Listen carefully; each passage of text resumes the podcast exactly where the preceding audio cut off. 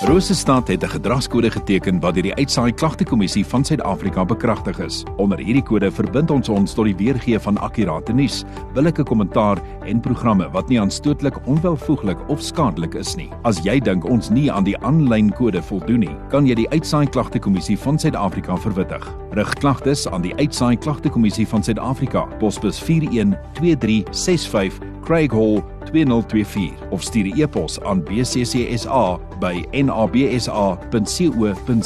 Vir verdere inligting, besoek www.bccsa.co.za.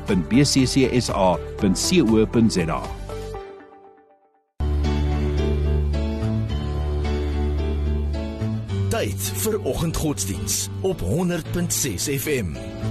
Net lees saam met my Dominic Kobus Botha van die Gereformeerde Kerk Bloemfontein Noord waar dan ook vir ons die uh godsdiens en dan ook die eredienste om Sondag gaan lei. Dominic, welkom. Môre Cyril baie dankie. As ons 'n bietjie kyk na die week wat voorlê, het jy miskien 'n tema vir die week of ja, miskien net vir die dag? Ja, Cyril, ek gaan 'n bietjie hierdie week stil staan by uh die apostel Johannes, die disipel vir wie Jesus baie lief was. Sy eerste sendbrief wat hy geskryf het, ek gaan 'n bietjie daaruit met ons deel in hierdie week. As ons kyk na 'n skrifgedeelte waar die ouens lank kan voorberei. Vanoggend gaan ons die eerste 4 verse lees van hoofstuk 1. Van hoofstuk 1.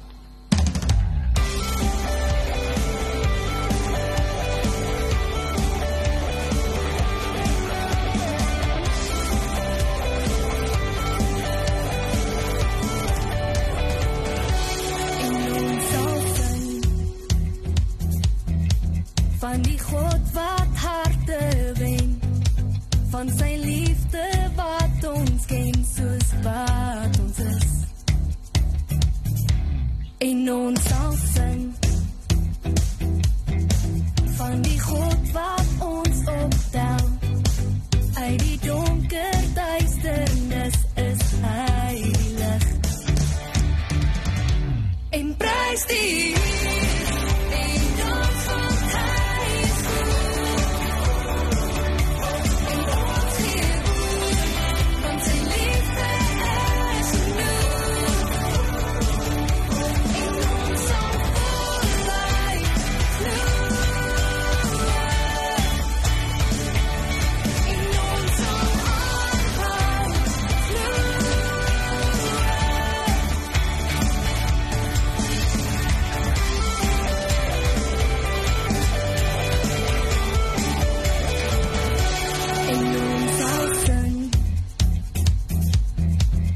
dijo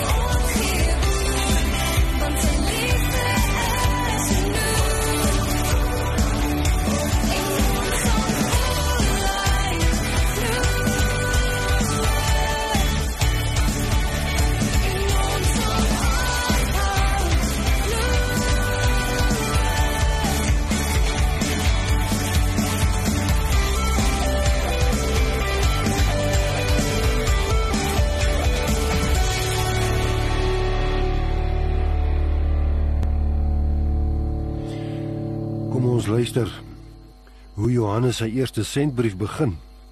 As hy van die Here Jesus praat, van die begin af was hy daar. Ons het homself gehoor, ons het met ons hom met ons eie oë gesien, ja. Ons het hom gesien en met ons hande aan hom geraak. Hy is die woord, die lewe. Die lewe het gekom, ons het hom gesien en is getuie daarvan en ons verkondig aan julle die ewige lewe wat by die Vader was en aan ons geopenbaar is. Hom wat ons gesien en gehoor het, verkondig ons aan julle sodat julle aan ons gemeenskap deel kan hê. En die gemeenskap waarin ons deel het, is die met die Vader en met sy seun Jesus Christus. Dit skryf ons sodat ons blydskap volkome kan wees. Liewe luisteraar, hierdie brief, dis eintlik nie 'n brief nie, dis 'n preek wat Johannes aan ons bring. Is geskryf waarskynlik tussen 90 en 95 na Christus in die omgewing van Efese. Daar in die uh, suidweste van Turkye. Net voordat Johannes na Patmos verban is, het hy hierdie brief geskryf. En ons weet die die boek Openbaring, die laaste boek in die Bybel, is daar op die eiland Patmos aan Johannes gegee. In Jerusalem weet ons is in 70 na Christus verwoes. En die Christene was op hierdie stadium oor die hele Romeinse ryk verstrooi. En Johannes skryf hierdie brief aan 'n klompie gemeentes daar in die suidweste van Turkye. En die Christene weet ons op hierdie stadium het baie swaar gekry. Dis nou al 60 jaar min of meer dat die Here Jesus gekruisig is, dat hy opgestaan het en opgevaar het na die hemel. En die Christene van op daardie stadium, hulle het verwag dat die Here Jesus in hulle lewenstyd nog gaan terugkeer met die wederkoms. En toe het hulle begin geestelik uitsak. Hulle het geloofsmoeg geraak. Die sekerhede van hulle geloof het begin wankel. En daarbey moes jy as jy 'n Christen was in daardie tyd heeltyd oor jou skouer loer want die Christene is swaar vervolg. En daar was ook dwaalleraars wat uit hulle eie geleedere uitgegaan het maar nooit regtig deel was van hulle nie. Hulle het vraagtekens agter die apostels se leer begin plaas. Johannes praat van hulle as die anti-kriste. In die apostel Johannes, ons sover ons weet, was hy op hierdie stadium die enigste oorlewende apostel wat oorgebly het. Al die ander was al dood. En hy besef hy moet ingryp. Hy moet hierdie Christene wat so vervolg word, moet hy bemoedig. En daarom skryf hy hierdie brief. En hy sê daar's twee redes waarom hy skryf. Die eerste sê hy om hulle te verseker dat hulle as mense wat hulle bekeer het op die evangelie boodskap begin vertrou het. Hulle moet vashou aan daardie geloof. Alleen in Christus sê hy in sy kruisverdienste. As jy in hom glo, dan het jy die ewige lewe sê hy vir hulle. In hoofstuk 5 skryf hy: Ek skryf hierdie dinge aan julle sodat julle kan weet dat julle die ewige lewe het. Hy wil vir hulle sekerheid bring met sy brief en vir hulle daardie sekerheid gee dat die anti-kriste, hulle moenie na hulle luister nie. Hulle moet net vashou aan die Here Jesus Christus. En hoor Johannes, hy raak liries as hy oor die Here Jesus praat. Hy sê van die begin af was hy daar. Ons het homself gehoor. Ons het hom met ons eie oë gesien. Ja. Ons het hom gesien en met ons hande aan hom geraak. Hy is die woord, die lewe. Die lewe het gekom, sê hy. Ons het hom gesien en is getuie daarvan. En ons verkondig aan julle die ewige lewe wat by, wat by die Vader was en aan ons geopenbaar is. En nou moet 'n mens vra, waaroor gaan die Christelike geloof? Is die Christelike geloof 'n kerk? Watter kerk dan? Is dit 'n beweging? Watter beweging dan? Of is dit dalk Christus?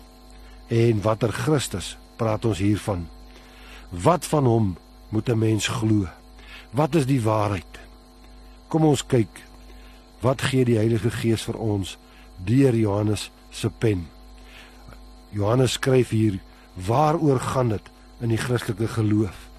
Die Christelike geloof sê hy draai alleen om die Here Jesus Christus. Sonder hom of buite hom sou daar geen Christelike geloof bestaan het nie. Want die Christelike geloof het sy oorsprong in hoe God die Vader homself in en deur Christus aan ons geopenbaar het. En die Christelike geloof gaan voort deur die eeue in hoe die ooggetuies, die apostels, hulle getuienis oor die wêreld heen versprei.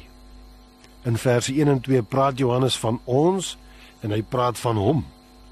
Die ons is die ooggetuies waarvan Johannes self een was, die apostels.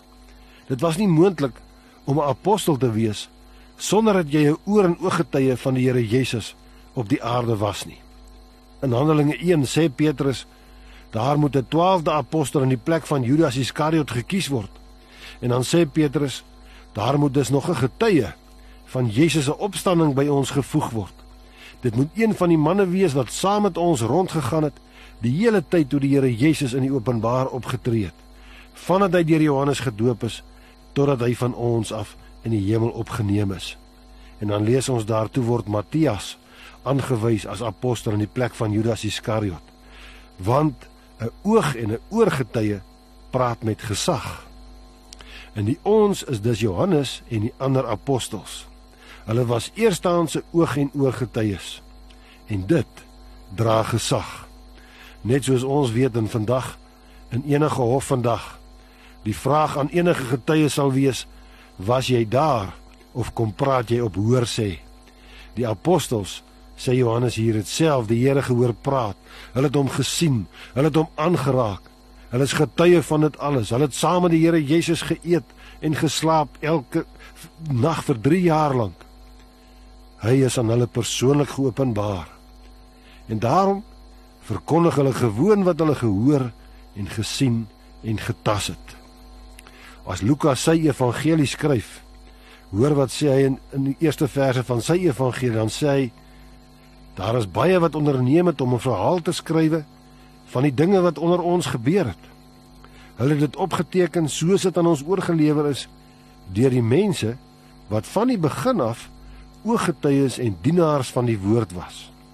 En dan sê Lukas daarom het ek dit ook goed gedink om self alles stap vir stap van vooraf te ondersoek en die verhaal noukeurig in die regte volgorde vir u neer te skryf. So kan u te wete kom dat die dinge waaroor u onderrig is heeltemal betroubaar is, sê Lukas. Dit gaan oor die woord betroubaar. Die evangelie kan geglo word. En nou is die vraag: kan ons sulke eerstehandse ooggetuies glo? Natuurlik kan ons. Wat as ons hulle nie kan vertrou nie, is die hele Christelike geloof buite 'n mens se bereik. En as jy hulle wel kan vertrou, dan deel jy in die Christelike geloof. En die boodskap wat Johannes bring hier is die boodskap van die ewige lewe. En die ewige lewe sê hy is 'n persoon, dis Jesus Christus. Hy is die boodskap, hy is die woord wat vlees geword het. Hy was altyd by die Vader en toe op 'n gegeewe tydstip die Bybel praat daarvan by die volheid van die tyd toe die tyd daarvoor reg was het hy na die aarde toe gekom. En hy het so hy het op so 'n wyse gekom dat die ooggetuies aan hom kon vat, hom kon sien, sy stem kon hoor van die brood eet en die vis eet wat hy voorsien het toe hy vir duisende mense kos gegee het. Wat sê dit? Die ewige seun van God het vlees geword. Hy het mens geword. Uit Maria is hy gebore. En dis hy, sê Johannes, wat ons aan julle verkondig.